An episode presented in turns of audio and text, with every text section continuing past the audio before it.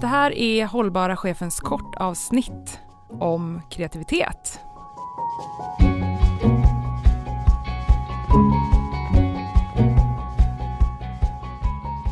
Kreativitet. Kreativ. Kre... k- k- Vad händer när man förtrycker kreativiteten? Förtrycker, trycker ner, förminskar, skalar av, prioriterar bort.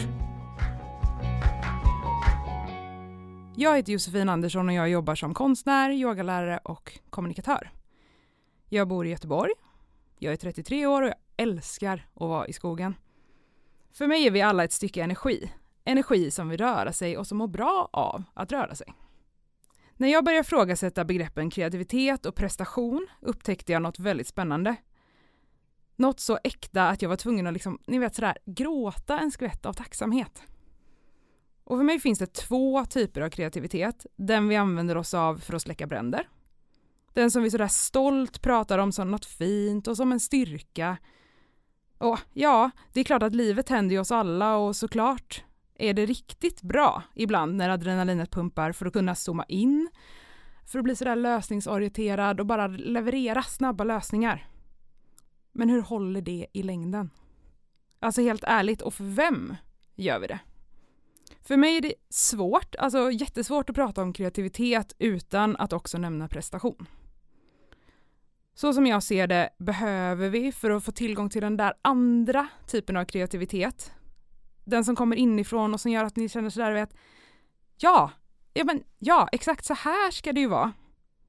Hela kroppen bara berättar att du är något på spåren och så bam, där. Någonstans där hittar du tillbaks till dig själv, till det där äkta, till något som känns större och ja men du vet sådär mer självklart än du kanske känt på länge. Det är den typen av kreativitet jag verkligen tänker att vi borde prata mer om. Att vi borde prata om den som en framgångsfaktor. Ja, men något som jag brukar göra när jag undervisar det är att försöka omvandla de här orden så att man får känna på dem i kroppen. Så jag tänker att vi ska göra det nu. Bara blunda där du är en liten stund. Ja, om du inte kör bil eller gör något annat där du verkligen behöver lyssna och behålla din uppmärksamhet såklart på något annat. Eh, lyssna i så fall istället vid ett annat tillfälle. Den här är ju ett kortavsnitt som bara är några minuter. Du kanske har fullt upp att släcka bränder, inte vet jag, men nog om bränder. Eh, tillbaka till att blunda. Om du bara blundar och bara märka, utan att ändra något, bara märka att du andas. Ja men där, där är du ju. Nu hamnade vi ju i nuet, eller hur? Så just nu finns det ingen brand att släcka. Det finns ingenting du behöver prestera, säga, göra. Du är här nu. Och nu. Och nu. Och föreställ dig en situation där du får tillgång till den där kreativiteten som bara känns sådär lätt. Prestationslös, där du bara kan vara. Se om du kan märka hur det känns i dig, i din kropp. Och se sen om du bara kan röra lite på kroppen. Bara för att skaka bort den där bilden en liten stund. Och igen märka att du andas. Och så tar du istället fram den där bilden av en situation där du löste någonting snabbt. Där det krävdes av dig att utifrån väldigt snabba och pressade förutsättningar levererade ett snabbt svar på någonting som kom upp.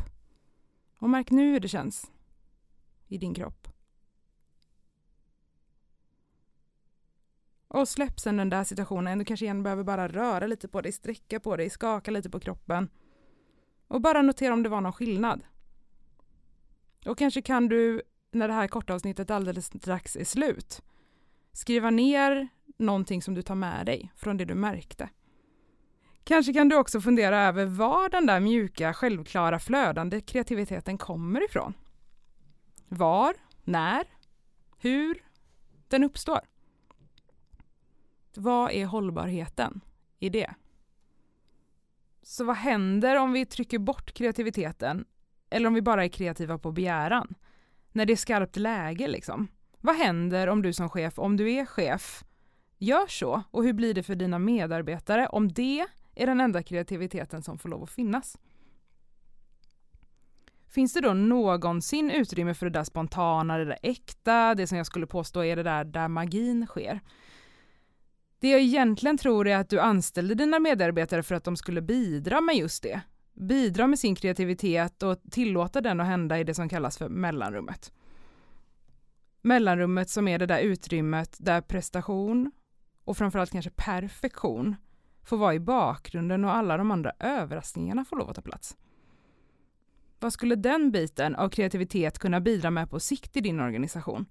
På kort sikt, men kanske också framförallt på lång sikt. Tack för att du har lyssnat.